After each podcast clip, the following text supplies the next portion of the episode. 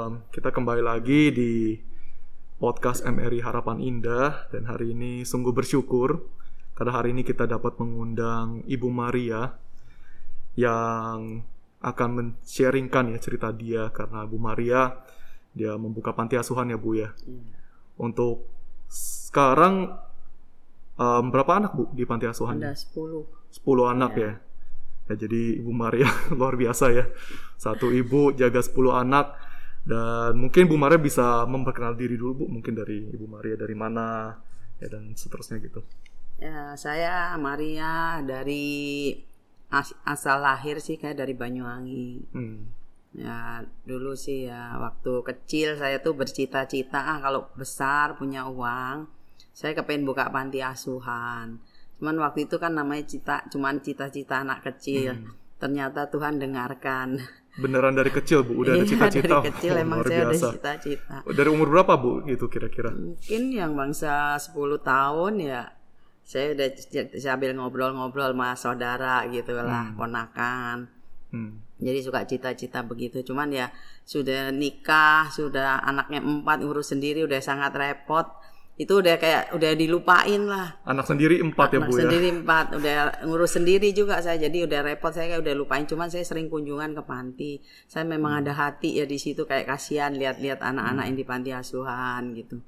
Jadi ya saya sering kunjungan aja. Terus mau ngambil anak. Dulu saya anak saya cewek, anak ceweknya empat, ceweknya satu. Hmm. Jadi saya pikir ambil satu cewek buat nemenin dia. Hmm. Waktu itu mau ambil di panti asuhan di Bogor, tapi anaknya udah mau, cuma saudaranya nggak kasih. Eh, Anak-anak di Bogor situ satu kadang ada mamanya, kadang ada papanya gitu semua ada. Kalau dia papa mamanya sudah meninggal. Jadi saya mau ambil tantanya juga orang kaya tinggal di Pluit. Cuman mau diambil nggak dikasih. Akhirnya ya udahlah. Saya cuma sering kunjungan anak-anak nanti kalau ini ranking dapat hadiah, saya bawain makanan, kasih Itu uang. mulai kunjungan panti kayak gitu berapa lama Bu? Dari anak-anak saya kecil ya, saya udah sering ke panti-panti. Hmm. Dari anak-anak saya kecil sampai terakhir anak saya sudah kuliah tuh kayak aduh di rumah sepi apa-apa kayak Tuhan tegur saatnya sekarang gitu kayak ada tegur saatnya sekarang. Cuma saya pikir ah saya mau ambil lagi deh anak satu cewek ya anak saya udah pada mau kuliah. Saya dulu dagang di Tanah Abang. Ya. Terus kata anak saya nanti mami kasihan anaknya dibawa ke toko pagi pulang malam katanya kasihan ya. Terus nggak bilang ah nggak apa-apa deh. Terus akhirnya saya siap-siapin baju baby baju apa siapa tahu ada yang ngasih anak. Jadi kayak orang gila anak. Terus habis gitu siap-siapin baju nggak tahu nggak lama terus ada orang mau ngasih anak mama angkat saya di tanah abang. Saya kalau baik ya saya banyak ini saya banyak mama angkat. Jadinya dibilang mah tuh ada orang mau kasih anak.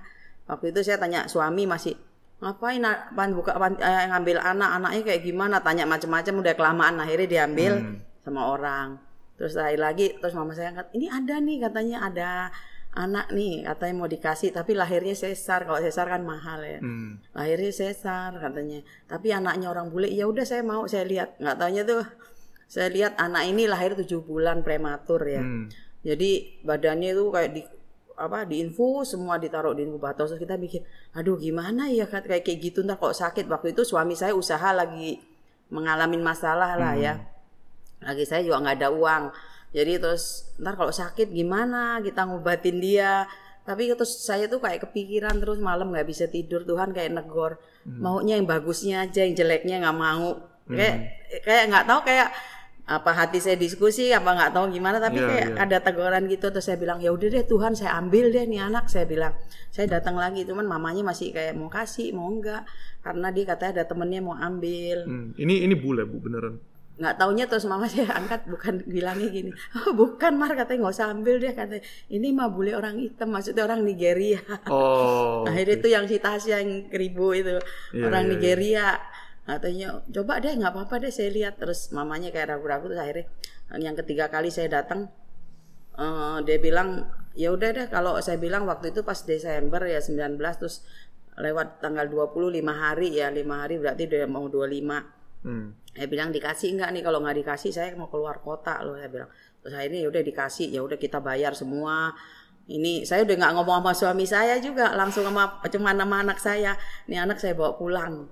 Udah kasih udah hitung kita bayarin mamanya kasih uang. Kan kebanyakan kan kalau lahiran semua saya yang bayar. Hmm. dan mamanya masih kita kasih uang gitu Iya, buat ini kita bawa pulang. Ini anak kun sebenarnya anaknya nggak terlalu kelihatan hitam karena nggak tahu itu waktu itu anak ini nggak taunya kuning sekali badannya. Oh lagi kuning. Kuning. Hmm. Jadi saya bawa ke puncak tuh langsung lima hari nginep di puncak saya. Bawa ke puncaknya anak diem aja minum susu susah apa susah saya bawa ke mana-mana wes pokoknya terus ah, terakhir saya ke dokter dia anak dipukul-pukul juga susah nangis gitu. Hmm. Oh di rumah saya pakein bohlam jadinya Hmm, kan dia ini sinarin di ya. ya. Terus kok susah nangis? Katanya ini kuning parah. Katanya satu jam satu jam mesti kasih susu. Ngasih susu dia susah banget ya. Waktu itu saya sama suster su- terus kita kasih susu S26 saya udah lama anaknya udah Iya. gede-gede lupa mesti satu sendok 60 cc kita kasih 30 jadi buang airnya keras. Terus saya bilang waduh mam, kata anak saya mami salah nih nggak dibaca. Oh iya. Terus habis gitu nggak tahu ini anak kuning parah sudah aduh untung saya bilang nggak apa-apa. Terus saya urusin terus dikasih muntah susah. Pokoknya saya bilang "Ad- anaknya kecil banget. Kayaknya ditaruh piring lonjong gitu muat. Habis gitu terus setelah itu ya udah udah selesai kuningnya berubah jadi warnanya aslinya tuh jadi hitam bener-bener Nigeria hitam. Hmm. jadi kata teman saya ini kalau ketawa cuman giginya ini yang kelihatan. Ya, teman saya pada ngeledekin juga ngapain kamu ngambil-ngambil anak kurang kerjaan? Nah, itu apa-apa." anak pertama yang anak diadopsi ya, Bu? pertama. Ya, terus habis itu pokoknya sering dimain-mainin lah sama teman saya. Terus waktu itu saya di Tanah Abang kan saya bawa ke toko juga. Hmm. jadi nananya bener-bener hitam Nigeria gitu kulitnya. Kata orang mandiin teh ya suka mas saya mandiin saya kasih ini itu. Tapi lama-lama kulitnya ngikutin kita. Iya, iya. Nah, jadi di Tanah Abang waktu itu saya masih dagang jadi ini anak dibawain seorang sepasar Tanah Abang jadi sepasar Tanah Abang kenal dia semua Semua semua kenal. Cuman nggak tahu nggak tahu namanya karena waktu itu rame BlackBerry, dia dipanggilnya BlackBerry Waduh. sampai sekarang. Jadi kalau kesan tuh BlackBerry udah besar katanya. Masih terkenal di Tanah Mm-mm. Abang, Bu. Terus nggak lama lagi terus ya dari Hmm. situ tuh saya nggak nggak berhenti di situ sampai Hmm. tiga bulan saya nggak bisa tidur. Hmm. Jadi kayak mikirnya "Us, buka panti asuhan, buka panti asuhan gitu terus, Terus sampai tiga bulan saya nggak bisa. hati kayak gitu iya ya, kayak Bu? desakan hati buka panti asuhan. Padahal tadinya cuma ya udahlah ambil satu aja Hmm. gitu. Tapi jadi kayak buka panti asuhan, buka panti asuhan terus saya doa juga sama Tuhan. Kalau anak saya setuju semua, ada hati juga. Iya mami setuju saya kalau mami ngurusin anak daripada mami ngurusin anjing, bikin apa kan? Saya orangnya nggak bisa diem bikin kandang anjing, nggak bisa diem dah pokoknya. Bersyukur juga ya, Bu kata ya anak saya dukung jadi ya. nggak apa-apa aku setuju teman papanya nggak setuju kan Hmm. teman saya doa Tuhan kalau memang Tuhan izinkan ya saya buka panti asuhan ya udah suami saya dijamah. Tapi dari situ saya di toko tiap hari bukan ngurusin jualan tiap hari cuman kalau ada pelanggan kita bilang ibu kalau ada orang anaknya nggak mau jangan dibuang ya kasih saya. Semua Hmm. orang semua pesenin di toko jadi sama ibu emang nggak punya anak? katanya. Punya anak saya empat ya bilang. Jadi kayak orang gila anak gitu ke mana ke sini sono sebelum suami saya setuju tuh saya udah nyari izin-izin apa udah nanya-nanya. Sampai akhirnya suatu hari suami saya juga dijamah akhirnya juga jamahnya juga Tuhan melalui supir taksi cerita anak dibuang di TV Hmm. ceritain anak-anak dibuang. Sampai akhirnya dia udah setuju akhirnya kita buka panti asuhan kita bikin surat-suratnya. Hmm. bikin surat-suratnya juga udah setahun lebih terus saya dari situ ada lagi yang mau kasih?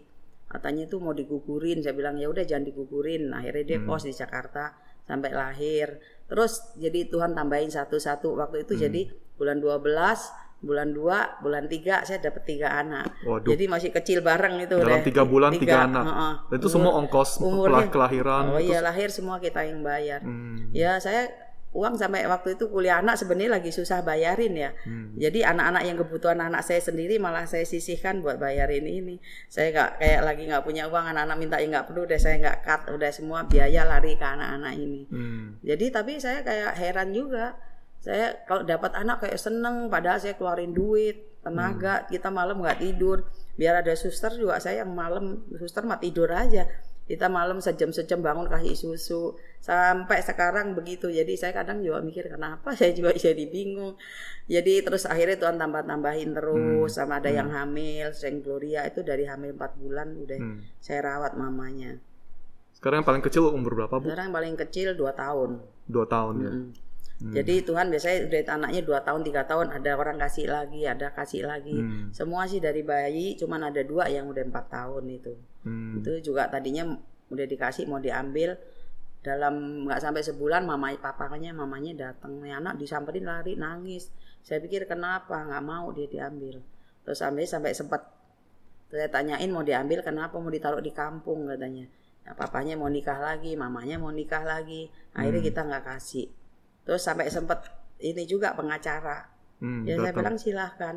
Lagi awal ngasih kan saya udah janji juga anak di sini nggak bisa diambil. Hmm. Kamu mau nengokin boleh silahkan, tapi nggak bisa diambil.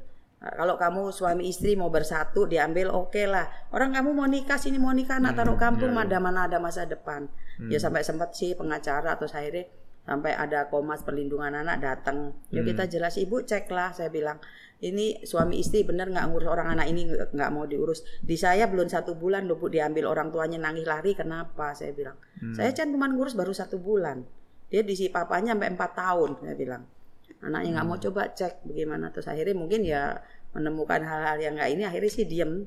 Sampai sekarang saya juga jelasin kenapa kamu pusing. Anak ini udah besar udah tahu kamu. Nanti ya didik sini nanti besar dia bisa cari kamu. Hmm, Jadi anak-anak yang di panti yang emang tahu, emang tahu ada orang tuanya tuh Tahu. hidup mereka tahu gitu ya. Orang tua kandungnya ya mereka. ada yang tahu kalau yang udah gede dia tahu. Iya iya. ya kalau yang kecil-kecil kayak kayak Tasya apa ya tahu udah Hmm. kan soalnya juga orang nanya tahu jadinya Hmm. saya juga jelasin intinya ya kalau kan saya memang buka panti saya dulu dari dalam hati saya emang anaknya nggak mau dikasih adopsi saya rawat sampai besar Ya. saya nggak mau seperti orang buka panti yang cuma dijaga pegawainya Hmm. karena saya udah hari lagi dagang itu saya tuh udah tiga saya bawa ke toko satu di rumah dua sama pembantu udah nggak diurusin beneran berantakan nggak diurusin Hmm. sampai saya akhirnya tutup toko saya udah nggak dagang lagi tanah abang bener-bener saya ngurusin anak-anak Iya, ini karena nggak diurusin pasti udah dipukulin lah apalah udah Waduh. nggak diurusin jadinya makanya saya udah tutup toko udah komitmen udah akhirnya toko ya dijual-jualin banyakan buat biaya anak-anak Hmm.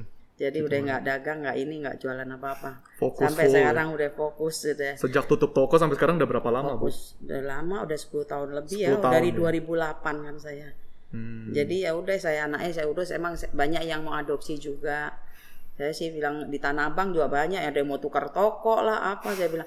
Maaf ya saya nggak nyari uang saya bilang. Saya benar-benar anak ini juga saya udah janji sama orang tuanya saya nggak kasih orang. Memang saya rawat. Seperti anak saya sendiri sampai mereka berkeluarga. Hmm. jadi saya nggak mau rawat nanggung-nanggung. Nanti setengah anaknya dilepas.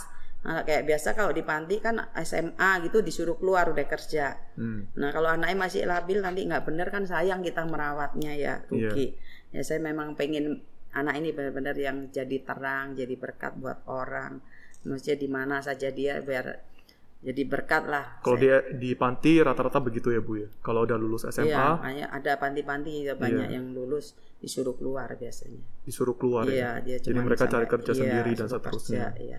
Kalau ini ya saya bikin seperti dia punya keluarga, punya Hmm. orang tua. Jadi dia di panti sebenarnya anak ini nggak kayak anak-anak di panti. Iya, Karena iya, iya. mereka hidup sama anak saya, masih Iya. cucu, udah ya makan suap-suapan bareng Iya. satu ini udah kayak keluarga lah. Iya, saya waktu itu ke tempat pantinya Bu Maria juga merasa kayak ada keluargaan yang Iya. erat gitu loh. Anak Iya. saya juga sayang sama mereka sering diajak mall ke mana kalau jalan-jalan Cucunya gantian. juga di panti kan. Iya cucu saya jadi jadi udah sekarang malah tinggal jadi satu saya sama anak saya udah pindah saya ke sini. Hmm. Kemarin kan kontrak sana Iya. udah habis kontraknya.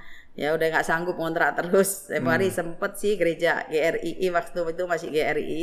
Iya. Kita dibantu dua kali buat kontrak. Hmm. Ya jadi sama teman-teman bantu. Jadi sekarang saya pindah sini kumpul sama anak saya cucu saya semua. Jadi ya mereka udah membaur lah aja. Hmm. udah anak saya udah makan ya udah jadi satu suap-suapan udah main bareng tidur Hmm. bareng Ini lupa di lupa ditanya Bu, nama pantinya apa Bu? oh eh, pantinya rumah berkat Indonesia Rumah Berkat Indonesia. Iya. Nanti kita taruh di itu ya. Taruh di YouTube juga deskripsinya. Rumah Berkat Indonesia ya, Bu Iya. ya. Iya. Em, di panti ya Bu ya selama berapa tahun ini yang menurut Ibu Mare yang yang sangat sulit itu apa gitu ya.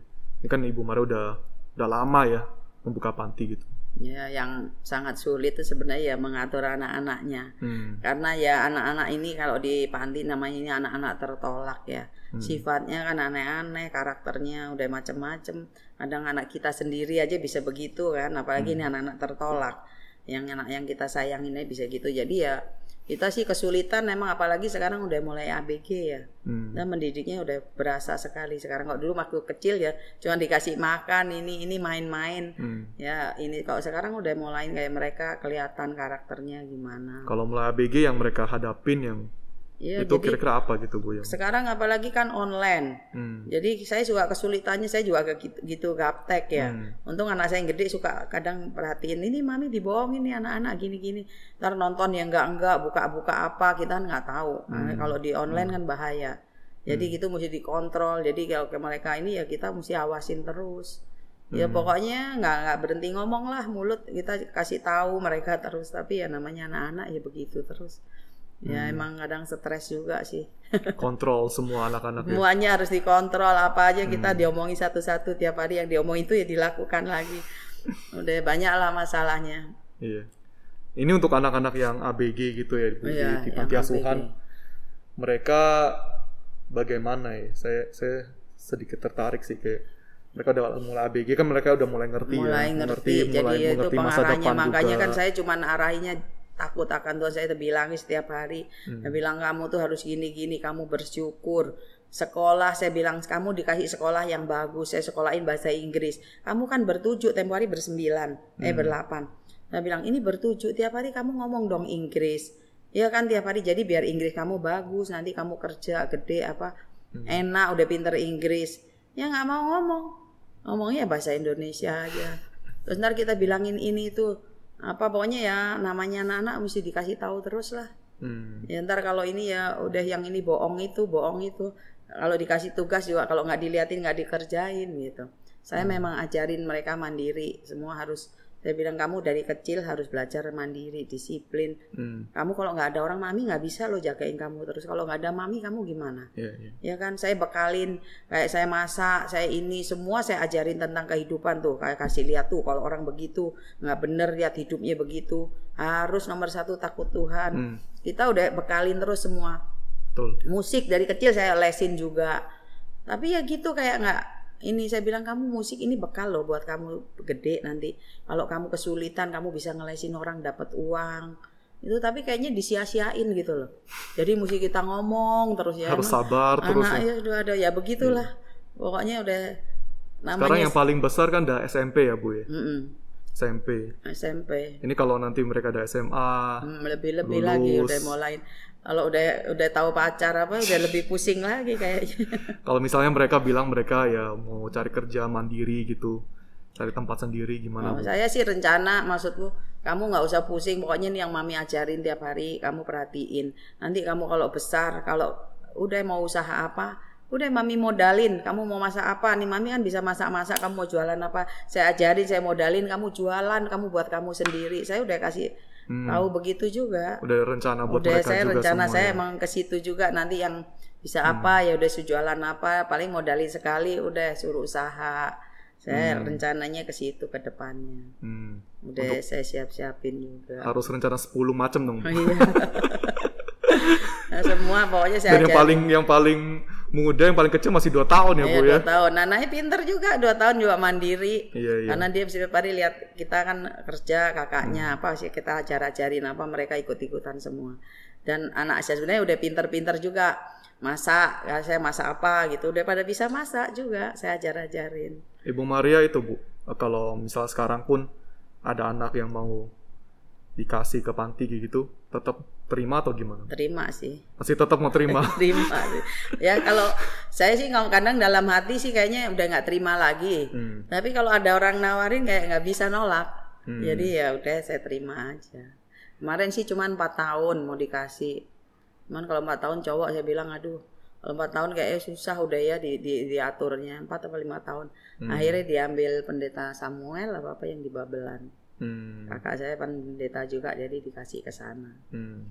Saya pikir ini aduh kalau cowok udah se- segitu kayaknya susah diatur. Ini Iya. aja yang dari kecil pada susah. Ada ada efek ya Bu ya kalau udah Iya. besar dan Iya, dipengaruhi yang udah dari lain-lain. pengaruh banget soalnya Hmm. kan kan biasanya di rumahnya gimana bebas gimana. Hmm. Kalau dulu saya pernah juga anak-anak udah gedean gitu nggak bisa Hmm. nggak bisa. Kalau orang udah ini kayaknya udah biasa bebas susah ya Hmm. diaturnya. Ya. Jadi kalau misalnya orang tua kandungnya mereka kembali lagi ya, mereka balik lagi oke gitu dan mereka ke panti misal mereka dulu kasih anak, langsung mereka bilang Bu saya kami keluarga udah oke gitu ya. Dan kami ada keinginan. Itu gimana Bu responnya Bu? Ya benar-benar lihat situasinya kalau memang keluarganya benar-benar baik dan mereka mau ngurus dengan baik terus anaknya mau ya sih saya silakan. Hmm. Cuman kalau Tapi sebetulnya enggak kan ya ada saya nggak dikasih. dengan setiap anak kan pasti ada relasi juga ya bu Iya. ya. Iya kalau memang benar-benar oke dirawat dengan baik ya nggak masalah kalau misalnya orang tuanya udah mampu. Hmm. Tapi kalau enggak ya kita nggak kasih Hmm. karena juga saya udah perjanjian memang begitu nggak bisa diambil. Ya.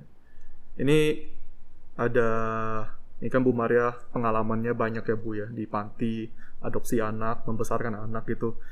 Ini kadang-kadang kita lihat ya em, ada orang itu yang adopsi anak tapi mereka sangat sungkan dan sangat nggak sangat gak rela untuk kasih tahu anaknya bahwa mereka anak itu adop diadopsi Bu.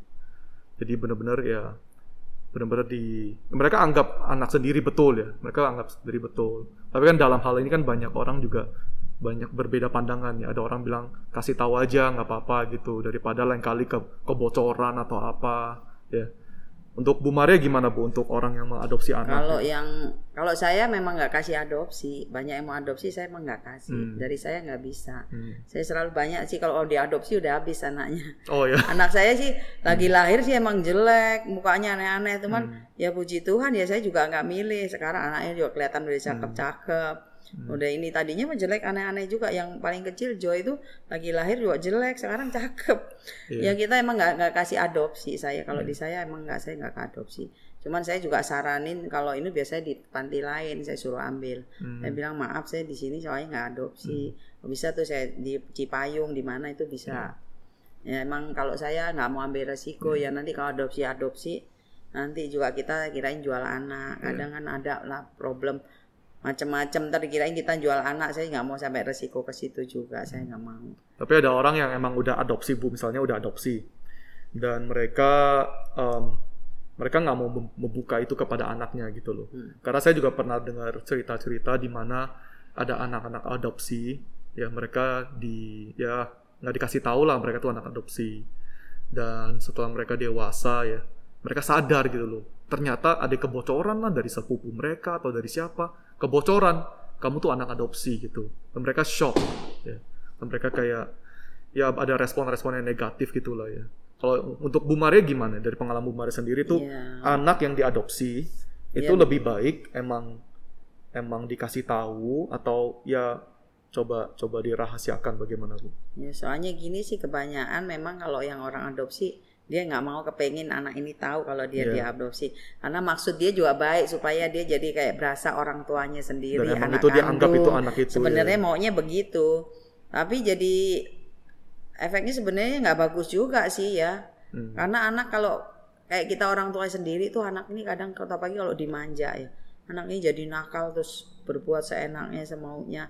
Mungkin boleh kasih tahu kalau dia udah besar. Tapi orang yang ngambilnya biasanya takut juga resiko. Hmm, iya, ntar kalau pas dikasih tahu terus dia Iya. beralih sama kita malah lari pula. Heeh, lari apa bagaimana. Tapi harusnya kalau dari mereka dari kecilnya dididik bener terus dididik di iniin kasih sayang kita sama dia penuh. Hmm. mungkin biar dia dikasih tahu kayaknya anak ini harusnya malah bersyukur ya Hmm. terus biasanya bisa tahu diri gitu lah ya. Hmm. oh saya ini diambil saya ini bukan anak kandung tapi ini orang tua bisa sayang sama saya. Hmm. bisa baik kayak begini kayak anak sendiri. Harusnya dia bersyukur saya bersyukur punya orang tua sebegini tapi kadang anak kan macam-macam dikasih tahu malah berontak. Iya, iya, yang iya. aneh-aneh nah orang tua nggak mau resikonya di situ. Hmm. sebenarnya kalau saya sih ada bagusnya dikasih tahu ya cuman resiko itu aja. Dari Bu Maria lebih kalau saya ya. sih mereka tahu semua. Dari kecil ya dari kecil gitu. Oh kan mereka suka ada tamu suka datang suka tanya-tanya. Kadang ya kita bagaimana Hmm. ya kita jawab.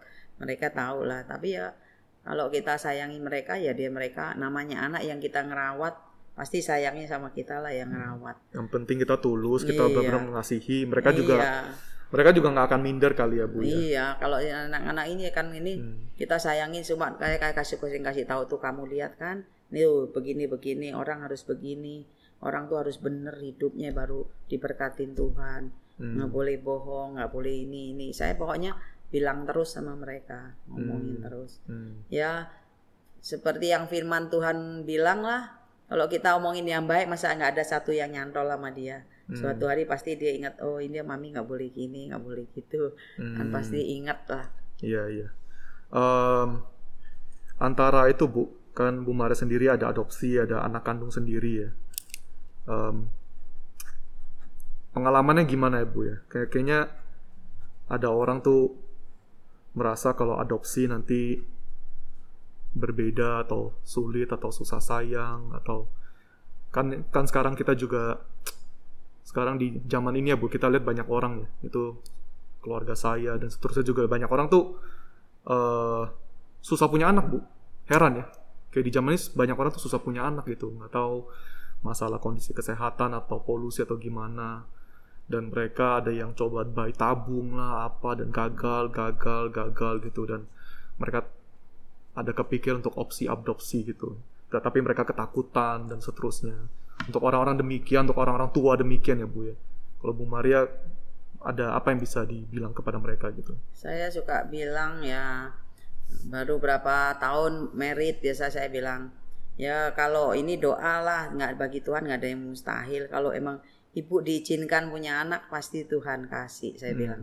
Ya berdoa aja kalau memang mau adopsi nggak gampang loh ngurusin anak-anak dari anak orang lain sama kita tuh adopsi. Hmm. karena udah banyak contoh ya.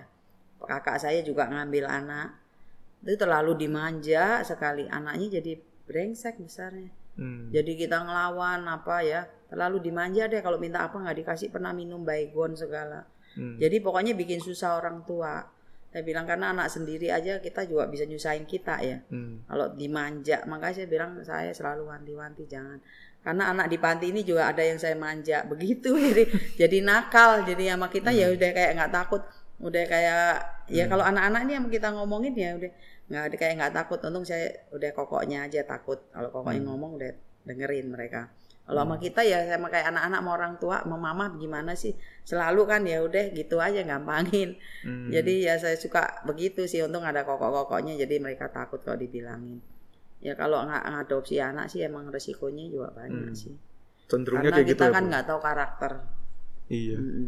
Saya kadang bilangin ya udah kamu kalau nggak ini ya anak-anak di sini kamu jadi orang tua asuh juga bisa.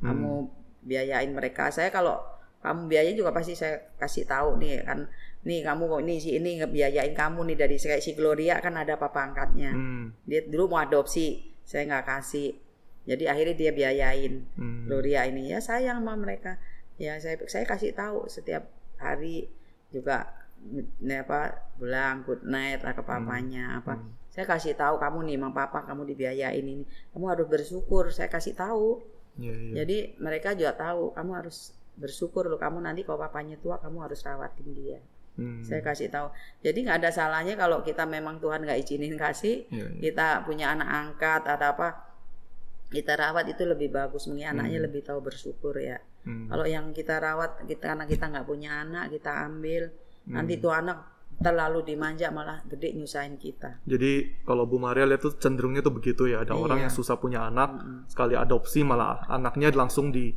manja dimanjain pasti gitu. udah itu Hmm. jadi itu jadi kebanyakan nggak bener di situ oh, gitu. soalnya kakak saya sendiri juga yang kakak suami saya kakak kakak saya sendiri juga ambil anak Hmm. dulu anaknya empat ce- cewek tiga Hmm. cowok satu nah cowok tabrakan udah SMA meninggal Hmm. akhirnya dia kan karena seneng cowok ngambil anak kembar dua aduh dimanja udah jadi nyusahin sampai sekarang Hmm. sampai besar udah nyusahin aja Jadi masalahnya tuh bukan malah yang adopsi malah bukan nggak sayang ya, malah Iya. terlalu sayang Heeh, gitu ya. terlalu sayang anaknya juga jadi nggak tahu diri jadinya Hmm. jadi pokoknya jadi hidup kita malah dibikin susah sama dia Tapi mereka tahu mereka tuh adopsi diadopsi gitu. tahu lah Mereka tahu. udah besar banyakan lama-lama tahu Oh, Biasanya jadi anak-anak adopsi itu pasti lama-lama tahu sih mereka ada feeling sendiri ya, Bu.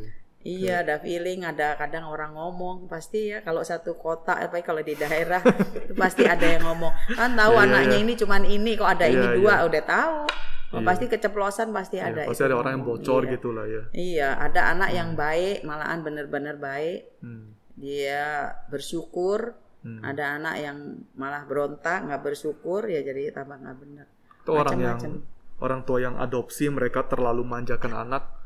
Kira-kira kenapa ya, Bu? Mereka takut anaknya anaknya nggak merasa bukan. dikasih sayang atau gimana ya? Ya bukannya takut manjakan anak. Kita kalau punya anak bukannya anak adopsi aja, anak kita sendiri juga. Karena kita nggak punya Hmm. anak, punya anak tuh udah pasti dimanja. Hmm. Jadi dari dimanja itu, nah itu anaknya jadi nggak bener. Hmm. Maka saya cucu apa saya bilangin anak saya. Emang saya juga bilangin, aduh udah jangan punya anak satu aja udah cukup. Susah didik anak Loh, ibu bilang sama anak sendiri punya Anak satu saya aja. Udah satu aja. Ibu sendiri ada jangan- 14 anak. Iya udah 14 anak ini saya bilang udah anak satu aja cukup kamu rawat sendiri nggak usah disuruh suster nggak usah suruh pembantu karena Hmm. Iya. suster pembantu ngurusin anak juga nggak bener Tapi Tuhan bilang beranak cucu, Bu. Tapi saya bilang sekarang zaman lagi begini virus-virus udah dah anaknya satu aja cukup lah. Kamu Hmm. urus bener, jagain sendiri. Jadi anak saya cucu dijaga sendiri sama saya sambil bantuin kan di situ Hmm. sambil liatin. Jadi saya bilang udahlah kalau bisa satu aja udah anaknya. Iya ya Mia kayaknya ribet. Belum sekolah sekarang mahal. Kalau kita mau pendidikan Ya. kasih yang sembarangan Iya, betul, murah pergaulan nggak bener. Di Indonesia Sekarang kalau mahal. anak satu aja sekarang biaya nggak cukup 5 juta. Iya, iya. Coba kalau anaknya banyak keadaan begini apa nggak tambah sulit? Mendingan Iya, iya. satu dididik benar jadi orang benar, takut Tuhan udahlah saya bilang Hmm. mau anak banyak-banyak kalau kamu nggak didik benar jadi nggak benar malah nyusahin. Hmm. Ya kan? Nyusahin orang, nyusahin Kenyataannya diri begitu juga. Iya. banyak yang udah terjadi kan begitu. Hmm. Mau anak banyak 10 kadang orang tua hidup tua sendirian. Itu kemarin yang di sedih Magelang Bu. malah meninggal sendiri nggak ada ketahuan sampai busuk sampai berhari-hari ada seminggu kali baru ketahuan. Coba sedih. sedih nggak begitu? Mau punya anak 10 juga percuma kok. Hmm. Kalau udah tua kita sepi, anak udah masing-masing ya sendiri, Hmm. ya kan? Kalau cuman kalau saya kan ya saya sih nggak sepi-sepi. Anaknya Gak akan sepi-sepi ya, Bu ya.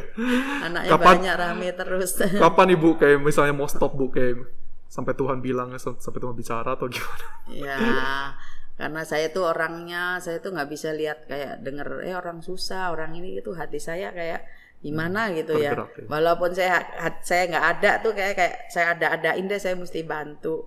Hmm. Kemarin juga saya ada sih yang mau kasih anak, dia lahir kembar di Budi Kemuliaan ya, di Budi Kemuliaan ya. Hmm. Ini orangnya susah sebenarnya. Terus waktu itu eh, anak ini lahir sampai sebulan lebih masuk inkubator. Hmm. Jadi anaknya beratnya cuma satu koma berapa gitu. Jadi nggak bisa nyusu. Sampai satu koma berapa akhirnya masuk inkubator sampai sebulan lebih. Terus saya bilang ya udah kan saya kasihan. Ya udah saya adopsi nggak apa-apa. Biayanya tempo hari habis berapa ya? 85 juta. Saya bilang nggak sanggup kalau segitu.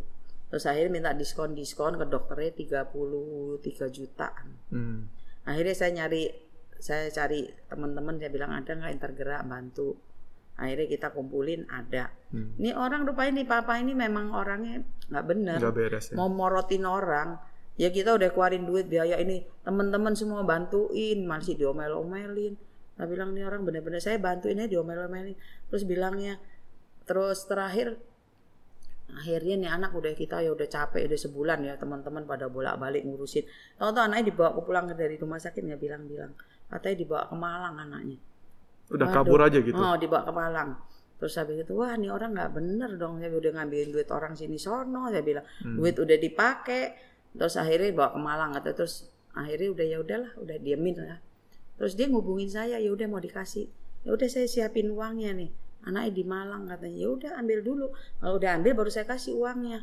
Terus akhirnya ya udah bu, saya pakai 5 juta dulu katanya. Saya kan mau ambil anaknya itu mesti bawa mobil ini ono. Ya udah saya kasih katanya aduh katanya anaknya lagi sakit katanya. Ini jadi nggak bisa uangnya udah hilang gitu. Saya bilang udah deh pak. Saya bilang saya udah nggak mau deh.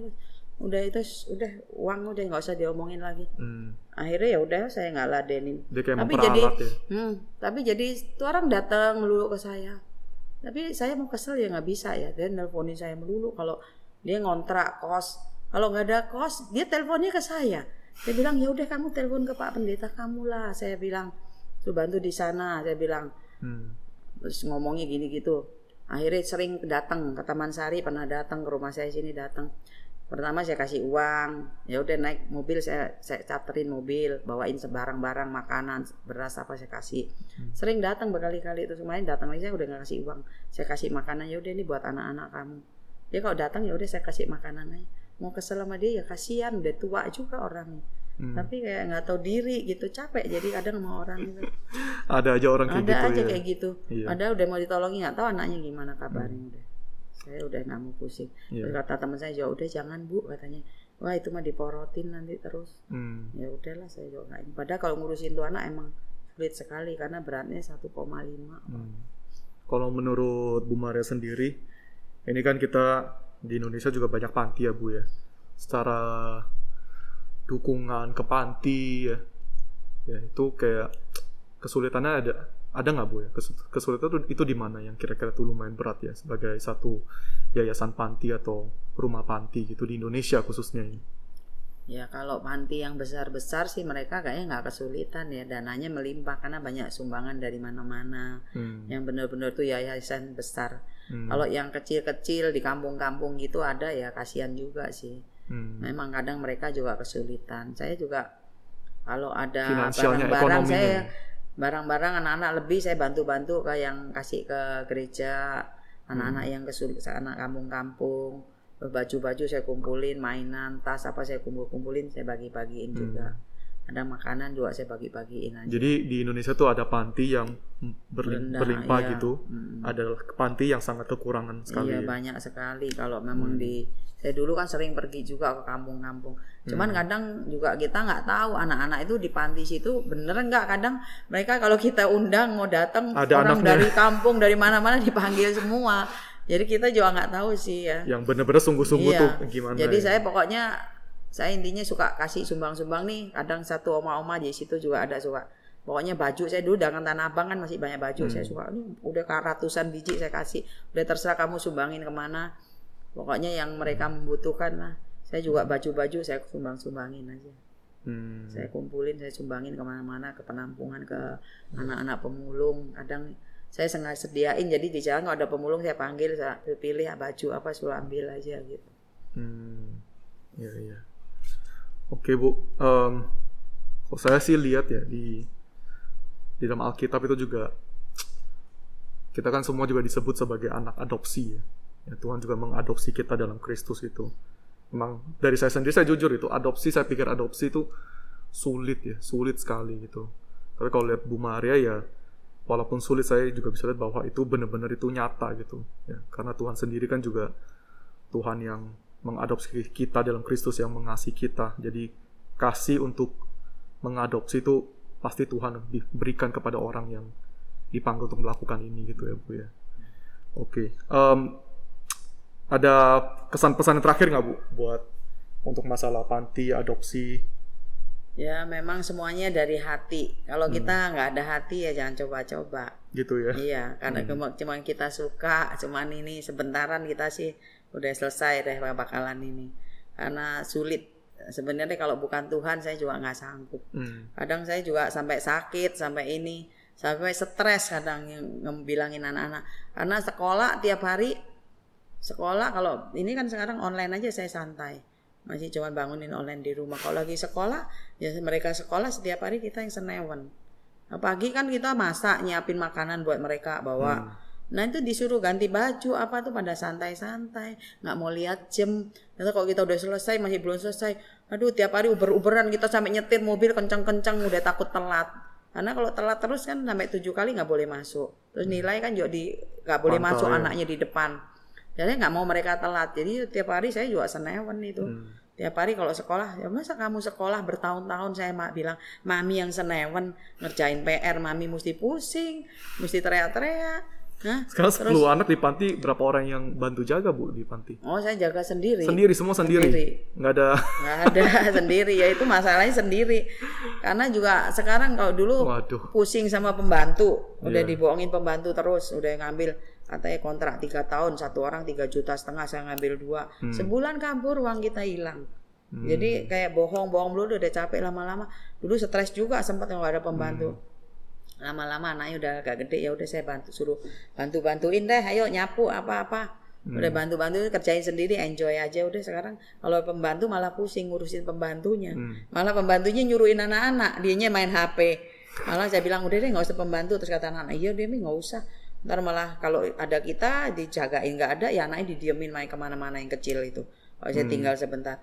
Jadi ya saya udah nggak udah nggak ada pembantu udah lama dari mereka kecil Hmm. jadi kemarin ada baby ya saya sambil nyetir sambil gendong baby ngantar sekolah ngantar les jadi anaknya udah saya bawa aja ke mana-mana udah Iya, naik iya. kadang naik motor gonceng bertigaan gitu udah Jadi saya bawa sendiri udah nggak ada pembantu bener saya urus sendiri. Bersyukur ya Bu ya. Ya, Semua tapi bisa kalau dijaga, ya semua- Tuhan yang iya. jaga saya, saya kasih sehat. Paling sakit sakit kepala. Kemarin ini sempat sakit sakit berapa mbak? Lama Hmm. loh berbulan-bulan. Saya sampai kalau mau bangun susah sampai Hmm. sini jantungnya kayak saya pikir jantung apa apa sampai sakit mungkin kayaknya karena angin terlalu banyak kayak angin duduk gitu loh. Hmm. Jadi sampai aduh nggak bisa bangun, nggak bisa sudah berobat ke mana-mana nggak bisa. Ternyata sembuhnya saya kasih air panas kompresin tiap hari sama dipijetin. Minum jamu dua hari udah nggak ini kayak kalau udah sakit nggak ada tenaga kita. Ah, Saya kan pas ada cucu Iya. mau mandiin aja nggak bisa. Saya Waduh. bilang kalau lagi pas aku jadi kalau pakai minum jamu badannya kayak fit lagi. Kalau enggak enggak. Tapi ya udah kenapa ini sampai bingung dah. Hmm. Tapi akhirnya ya udah digituin masih sakit-sakit pinggang tapi udah bisa gerak nggak Hmm. kayak tempo hari. Kalau tempo hari sampai nggak bisa gerak saya. Iya. Sampai rasanya mau masak beras aja, mau masak nasi berangkang-berangkang dulu. Ya anak-anak bantu pegang-pegangin aja. Iya. Ada aja lah gitulah. Jadi Bu Maria itu di panti Rumah Berkat Indonesia kalau ada orang mau kunjungan atau mau ada kirim bantuan gitu, itu terima ya Bu ya. Oh iya terima. Lah itu ya itu ya selama ini kita bisa sampai hari ini ya karena ada yang ada yang kirim-kirim barang makanan. Jadi kita nggak terlalu berat karena makan apalagi anaknya sekarang ini udah mulai pertumbuhan makannya kuat semua. Jadi yang makanan itu udah cepet. Jadi ya puji Tuhan Tuhan gerakan Tuhan pelihara lah sampai hari ini. dulu teman saya juga bilang kamu buka panti gini gitu. Ya saya memang nggak ada uang saya bilang kenapa Tuhan nggak pakai orang kaya ini apa ya? Tapi saya yakin dan percaya saya cuma berjalan dengan iman. Yang sampai hari ini dulu anak orang bilang sekolahnya gimana apa? Ya saya bilang kalau nggak bisa ya saya homeschooling. Oh, tapi puji Tuhan bisa sekolah bagus, bisa ini. Walaupun tadinya saya sampai nyicil-nyicil sekolah, bayar bulan nyicil-nyicil. Ibu Maria panggilan tuh kuat sekali ya. Iya, ya, kayak pokoknya saya dengan iman kalau Tuhan yang suruh pasti saya bilang Tuhan cukupkan. Ya sampai hari ini puji Tuhan nggak pernah minta-minta istilahnya. Iya, kita iya. makan cukup, anaknya juga cukup, kita masih bisa nyumbang orang. Hmm. Ya, kita bersyukur pasti Tuhan kita kan ajaib. Ya. Allah yang berkuasa kalau dia yang mau pasti Tuhan Iya, cukupkan. Saya mengalir aja, saya juga nggak persiapkan apa-apa.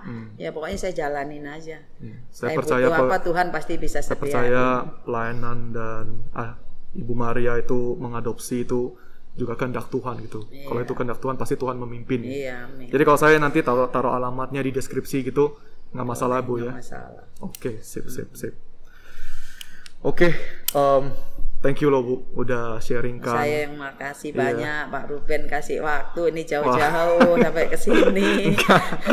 saya yang terima kasih banyak. Pasti ini juga Tuhan yang nyamati Pak Ruben supaya Iya, mungkin jadi berkat buat Pandi, buat anak-anak di Iya. sini. Saya percaya sharingnya Bu Maria pasti menjadi berkat untuk banyak orang Bu. Iya. Sangat itu ya. Ya saya sih pesannya itu. hanya saya pesannya buat anak-anak muda apa ya bersyukur kalau kita pada punya orang tua yang mengasihi kita. Hmm. kan? Masih sayangin kita mau ngurus kita. Coba anak-anak yang begini orang tuanya nggak mau. Mereka udah pokoknya dikasih nengok aja nggak mau. Padahal sama saya boleh nengok. Hmm. boleh lihat nengok aja nggak mau. Seperti anak itu udah kayak dibuang, Dibuang gitu aja, aja, jadi maka anak orang anak-anak yang ada orang tua keluarga mengasihi itu sangat bersyukur sekali. Hmm. Iya, ya kan? iya. Puji Tuhan Bu. jadi kalau anak-anak ini ya saya kalau dengan saya sendiri saya nggak kuat saya juga nggak sanggup Iya. tanpa bantuan dari saudara-saudara seiman dari mana-mana Tuhan yang kirim saya juga nggak sanggup ngurusin biayain mereka tapi ya Tuhan bisa sang- yang menjamah orang tahu-tahu bisa dari mana dari mana. Kadang yang orang-orang bukan orang kaya juga malah ada hati. Hmm. eh bu ini saya kasih sedikit ya bilang oh iya saya makasih banyak bukan kasih karena barangnya apa dari hatinya, Hatinya itu kita yang ya. ini kita udah bersyukur. Ya kan? Jadi kan semua ini ya kalau kayak begini-gini anak-anak gini kalau nggak kita yang peduli siapa lagi? Hmm. mereka mau jadi apa? Ini kan juga jiwa Iya. mereka juga nggak mau seperti itu Hmm. jadi saya ngambil anak saya nggak lihat orang tuanya mau se apa pun Hmm. tuh anak orang tuanya nggak bener apa kita nggak nggak nggak anak ini nggak kita nggak lihat dari situ Hmm. mereka juga nggak mau hidup seperti itu Iya. ya kan yang salah orang tuanya kita nggak mau mereka salah yang mereka saya kepinginnya mereka ya harus hidup bener aja Iya, iya. Iya. Oke. Thank you ya Bu sekali lagi ya Bu ya. ya saya makasih banyak Ya, mungkin kita punya sharing sampai di sini dulu Bu. Iya, ya. makasih. Terima kasih.